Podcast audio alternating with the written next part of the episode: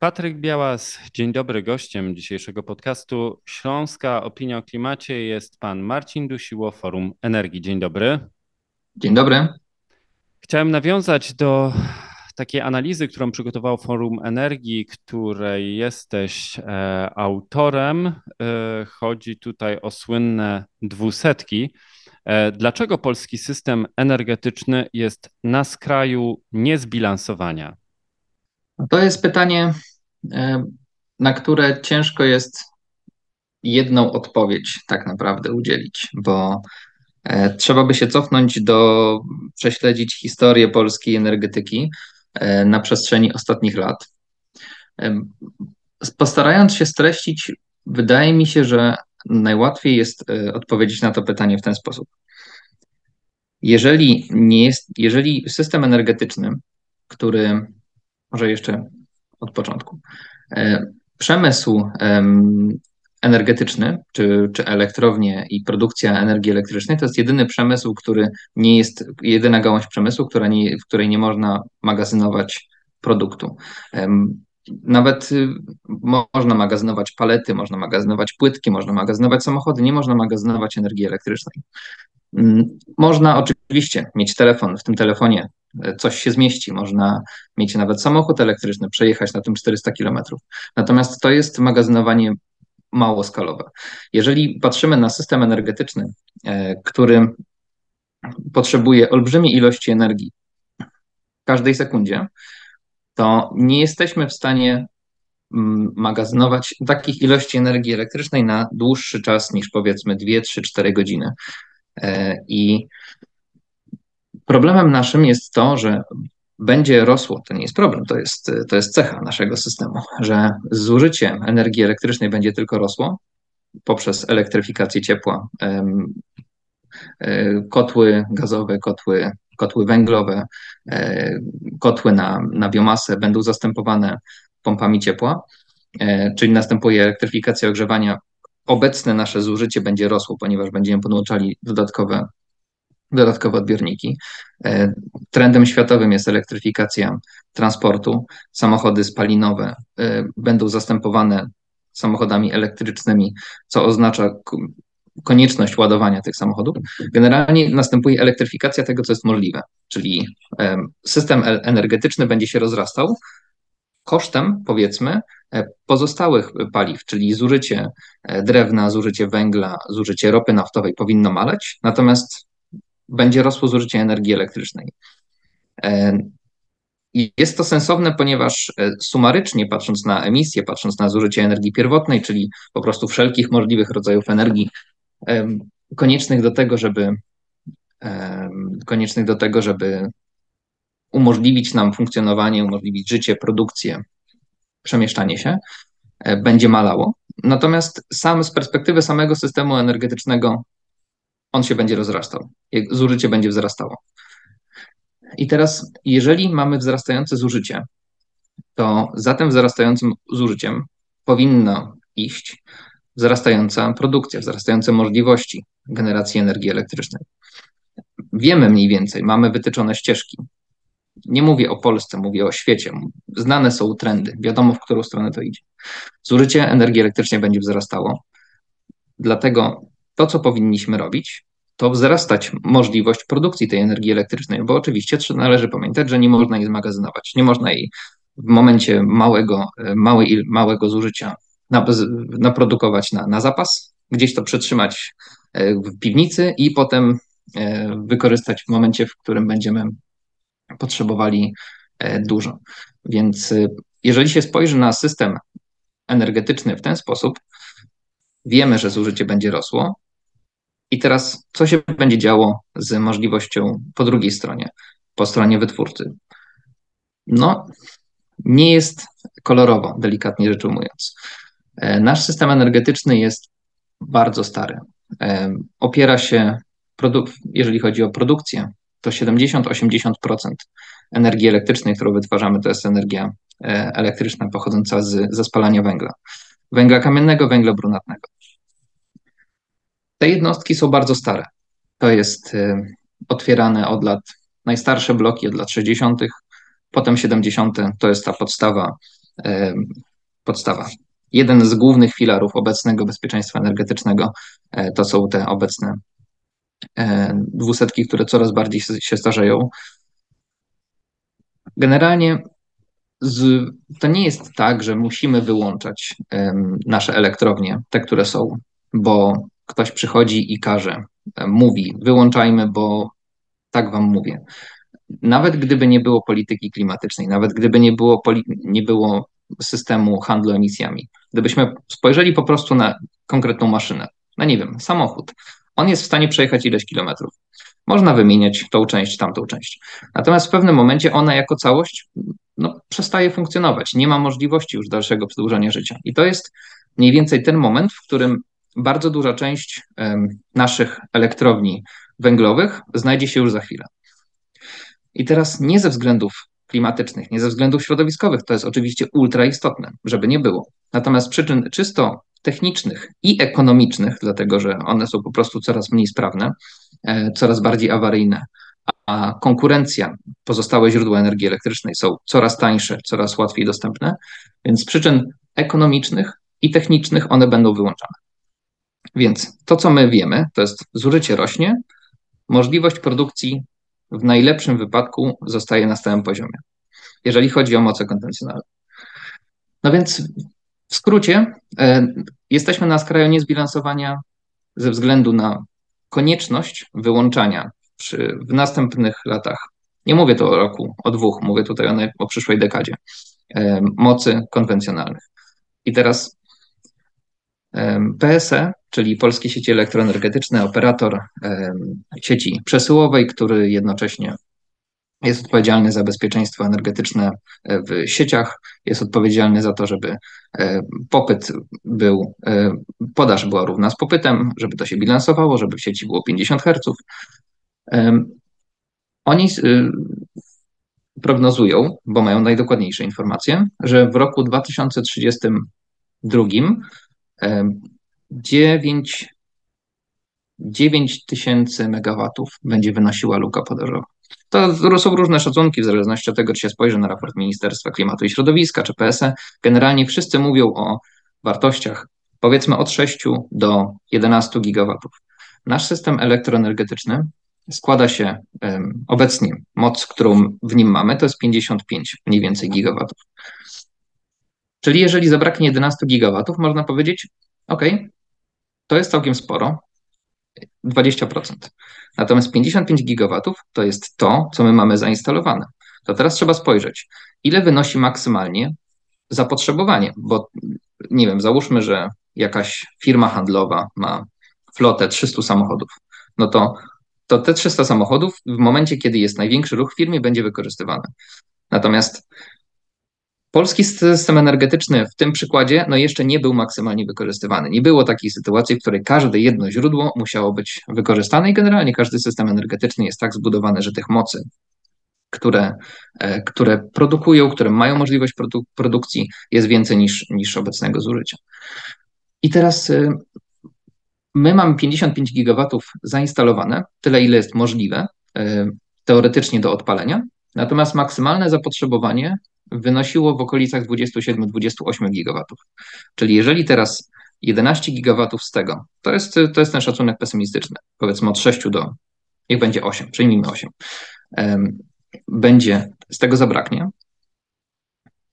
no to to jest zdecydowanie większy procent niż te, niż te 10, e, niż te 20, o których mówiliśmy patrząc na, na moc zainstalowaną.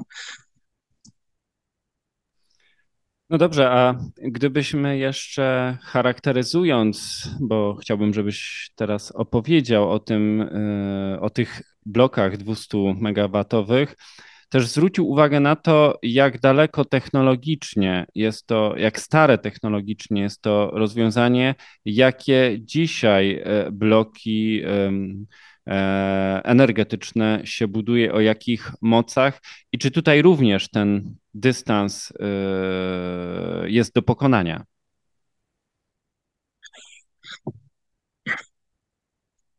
Może tak. Nasza opinia o blokach 200 MW miała na celu pokazanie, że dwusetki nie są tym jednym rozwiązaniem, które uratują nasz system. W momencie, generalnie dlatego o dwusetkach się mówi, bo w 2017 bodajże roku został powołany program Bloki 200, który e, to jest program NCBR-u, w którym uczestniczyły no tam kilka polskich firm. Chodziło o sprawdzenie, czy właśnie te dwusetki, których jest w systemie wtedy było 50, e, około 50, e, czyli około 10, troszkę ponad 10 gigawatów, 10-11 gigawatów miały mocy zainstalowanej. E, czy, żeby sprawdzić, czy istnieje możliwość techniczna przedłużenia ich życia, dostosowanie do odnawialnych źródeł energii, e, o czym za chwilkę. No i generalnie taka była narracja przez jakiś czas i w 2021 roku również w momencie, kiedy były, mm, e, kiedy były pokazywane wyniki tego programu, że mamy problem, tak, wiemy, że zabraknie mocy, PSE o tym mówi od 2013 chyba pierwszy raz słyszałem. Mówi, w 2030 roku zabraknie nam mocy. Oczywiście im bliżej jesteśmy tego 2030, tym PSE bardziej precyzyjnie mówi, ile, tam mocy, ile tej mocy nam zabraknie i tym bardziej jest to, jest to przerażające, bo e, lepiej by było, gdyby się okazało, że PSE się myliło. No, niestety się nie myliło, miało rację i teraz jesteśmy coraz bardziej tego pewni. Natomiast mówiło się o tym w ten sposób. Mamy te dwusetki, które muszą być wyłączone z przyczyn technicznych, ekonomicznych itd. Tak Nie wyłączajmy ich, dostosujmy do pracy z odnawialnymi źródłami energii. E, wszystko to, to, nam, to nam załatwi sprawę. Dociągniemy w ten sposób to. E, to jest teraz nowsza narracja. Dociągniemy w ten sposób do budowy energetyki jądrowej. Jak zbudujemy energetykę jądrową, będzie można wyłączyć bloki 200, plus, y, bloki y, dwusetki, no i jakoś tam damy radę. I teraz ta opinia wskazuje, że no, no nie, że nie. Po pierwsze, z tych 53 y, jednostek bodajże, które były mm, w systemie w momencie uruchomienia tego programu 200, bloki 200, e, teraz już kilka jest wyłączonych. Poza tym e, są plany zmiany paliwa, więc one przestaną być e, jednostkami węglowymi. Są plany zmian jakichś tam technologicznych, mniejsza z tym. Natomiast główna, e, główny wniosek z, tych, e, z, tych, z, te, z tej opinii jest taki, że z tych pięćdziesięciu kilku możemy mówić maksymalnie o 20, mniej więcej, żeby to miało sens. I teraz dlaczego o 20? E, I tutaj wracamy właśnie do pytania o zdolności techniczne tych bloków, jak one są bardzo stare, co jest możliwe, co jest niemożliwe. To jest tak, Zastanawiam się, jak bardzo w szczegóły wchodzić. Natomiast każde, każde odpalenie i każde wyłączenie kotła, czyli głównego, jednego z głównych elementów elektrowni węglowej, wiąże się z tym, że ona dochodzi tam do naprężeń cieplnych. Płomień, który jest wewnątrz kotła, ma powiedzmy 1100, 1300, w zależności od technologii, stopni. W momencie, kiedy jest wyłączone, no to wewnątrz jest y, temperatura otoczenia. Więc stal, która jest, która okala e, kocioł, a wewnątrz tej stali w rurkach płynie woda, no ona się bardzo rozgrzewa. Każde zwiększenie mocy, każde odstawienie, każde włączenie to jest rozszerzenie i, e, i, i, i skurczenie tej stali. Ta stal pracuje i teraz nie jest możliwe przedłużanie życia tej stali w nieskończoność. Nawet jeżeli po, po, po, pozmieniamy jakieś mniejsze rzeczy, to w pewnym momencie dojdziemy do momentu, w którym byśmy musieli wymienić 80% powiedzmy stali, która jest wewnątrz takiego kotła, ponieważ ona już będzie najnormalniej w świecie pękać. Nie ma możliwości przedłużenia życia tego, tej jednostki. I teraz, jeżeli się spojrzy, które, e, które jednostki są już po takich powiedzmy grubszych modernizacjach, a które nie, no to wychodzi na to, że technologicznie i z perspektywy życia tej stali, no większość z nich jest po prostu bardzo stara. Były pozmieniane części gdzieś w turbozespole, były pozmieniane inne części, natomiast te najbardziej kluczowe z perspektywy długości życia, z z perspektywy tego, co jest termicznie, powiedzmy, możliwe do, do utrzymania, no to, to są bloki już bardzo stare. Więc jeżeli mówimy o tym, e, jeżeli chcemy wkładać pieniądze w to, żeby te bloki modernizować, to trzeba mieć świadomość, że inwestycja nie w każdą jednostkę jest tak samo sensowna. Ja na razie nie poruszam tego, czy którąkolwiek jest sensowna, natomiast to nie jest tak, że można na chybił trafił strzelić w jakiś konkretny blok, powiedzieć tutaj inwestujemy i każdy będzie taki sam.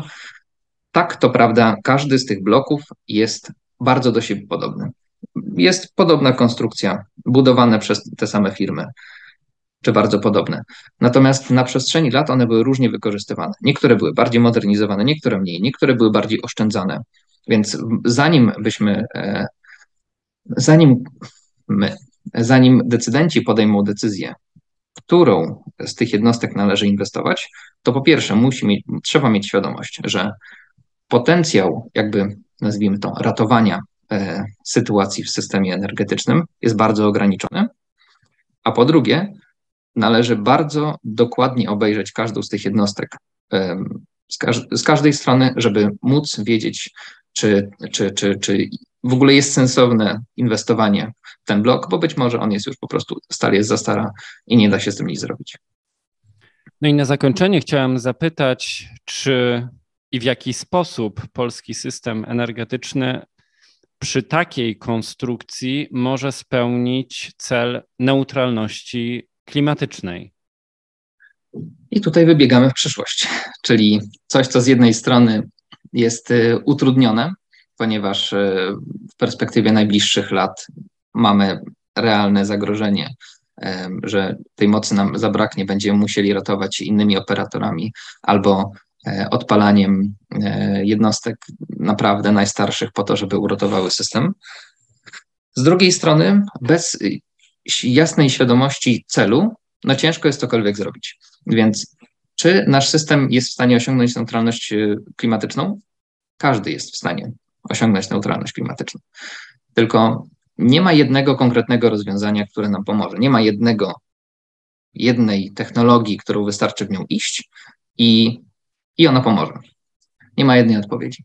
Jesteśmy obecnie, ze względu na zapóźnienia inwestycyjne, które, które są u nas. Przecież my nie bylibyśmy w tej sytuacji, gdyby przez poprzednie dekady nie były konserwowane to podejście, że trzeba węgiel zostawić, e, trzeba jak najbardziej dociążyć to, co już istnieje, e, nie iść w nowe inwestycje, odnawialne źródła energii, hmm, lepiej nie, energetyka jądrowa, kurczę, trochę droga. Gdyby te decyzje były podjęte wcześniej, to nie bylibyśmy w tej sytuacji. Więc teraz to jest moment, w którym tak naprawdę wszystkie dobre rozwiązania już, y, już są za nami. Pozostało nam wybranie mniejszego zła. Pytanie, czy, czy lepiej jest siedzieć przy świeczkach, czy lepiej jest w jakimś bardzo ograniczonym zakresie przedłużyć um, życie energetyki węglowej. Jeżeli przedłużyć życie energetyki węglowej, to w takim razie do kiedy? No bo nie można powiedzieć, dobra, przedłużymy, niech sobie popracuje, albo niech sobie popracuje do momentu włączenia energetyki jądrowej. No bo ten moment nie wiadomo kiedy jest. No, nie, może to będzie 33, może 35, może później. Nie wiadomo. Więc trzeba mieć y, świadomość tego, że w momencie podjęcia takiej decyzji trzeba by wiedzieć konkretnie na ile y, i na jakich zasadach przedłużamy życie tych, tych, tych, tych jednostek. I teraz, jeżeli mówimy o, o neutralności klimatycznej, która jest możliwa do osiągnięcia, tak jak w każdym systemie, tylko mamy po prostu większe zapóźnienia, no to trzeba spojrzeć na to, co jest możliwe, co leży, co jest na stole. I trzeba skorzystać ze wszystkiego. To jest główna odpowiedź. Jeżeli jest jakieś rozwiązanie, które przybliża nas do neutralności klimatycznej, należy znaleźć dla niego miejsce. Znaczy nie należy znaleźć, no samo się znajdzie. E, tylko należy budować energetykę wiatrową na morzu. Ona ma swoje plusy i minusy. Plusem jest zdecydowanie bardziej stabilna produkcja energii elektrycznej i w większych ilościach. Minusem jest to, że ona jest niezwykle materiałochłonna. E, to są wielkie konstrukcje, które potrzebują ze wszystkich tych technologii, które mamy, najwięcej materiałów na wytworzenie jednostki energii e, elektrycznej. Należy budować wiatraki na lądzie, które są w tej chwili najtańszym źródłem energii elektrycznej. Fotowoltaika nam niezwykle pomaga w gorące lata i w słoneczne dni, które jeszcze nie, ta, nie tak dawno temu były największą zmorą um, dla energetyki konwencjonalnej ze względu na niski stan, e, niski stan wód w rzekach, problemy z chłodzeniem i tak. Teraz, teraz w tych momentach, jeżeli tylko słońce nie jest za chmurami, a na ogół tak jest, że najcieplej jest wtedy, kiedy słońce nie jest za chmurami, e, to musimy, musimy, e, musimy pójść w stronę fotowoltaiki. Konieczne jest trzymanie czegoś, co jest w backupie i czyli najprawdopodobniej konieczne będzie stosowanie jakichś tam źródeł konwencjonalnych, które będą się włączały wtedy, kiedy, e, kiedy nie będzie dostatecznej produkcji z źródeł odnawialnych. Natomiast istotne jest również to, że poza tymi mm, elastycznymi źródłami, które będą na chwilkę włączane, czy to jest gaz, najlepiej z biometanu, najlepiej na, albo jakieś silniki tłokowe na biogaz, które które są, nazwijmy to, neutralne emisyjnie, bo to, co spalają, jest, jest wytworzone z, z czegoś, co jest bio. E, poza tym potrzebujemy stabilną podstawę, która również będzie bezemisyjna. No i tutaj nie mamy wielkiego wyboru. Tutaj pozostaje energetyka jądrowa, która powinna w pewnym momencie się pojawić w naszym systemie, natomiast trzeba mieć świadomość, że do tego momentu nie możemy mówić jedynie o energetyce jądrowej, bo mówienie o niej, że ona będzie za 10 lat i nas uratuje, czy za 15, nie spowoduje, że nasz system się nie rozpadnie za 3 lata, czy za 5, czy za 7. Więc trzeba mieć świadomości, że należy budować na przyszłość, nie zapominając o tym, że do tego czasu należy dotrwać i w tym czasie należy jak najszybciej obniżać emisje, które obecnie są u nas e, drugie najwyższe w Unii Europejskiej, jeżeli chodzi o produkcję energii elektrycznej, a jeżeli chodzi o całą gospodarkę, to jesteśmy siódmym najbardziej emisyjnym krajem na, e, na świecie pod względem tego, ile emisji mamy w przeliczeniu na, na ilość energii, którą zużywamy. Więc no, mamy duże zapóźnienia i należy działać szybko, w sposób przemyślany, mając y, wizję celu odległego, ale jednocześnie należy jak najszybciej podjąć dobre decyzje dzisiaj, żeby jutro bliskie jutro, żeby było bezpieczne i żebyśmy mieli zabezpieczone dostawy energii elektrycznej. Bardzo dziękuję za tę dzisiejszą rozmowę. Wszystkich zainteresowanych odsyłam do strony internetowej forummyślnikenergii.eu, gdzie znajdziecie Państwo opinię autorstwa mojego dzisiejszego gościa. Opinia pod tytułem Bloki 200 MW na emeryturę czy do pracy. A moim gościem był pan Marcin Dusiło, Forum Energii. Dziękuję bardzo za rozmowę. Dziękuję bardzo.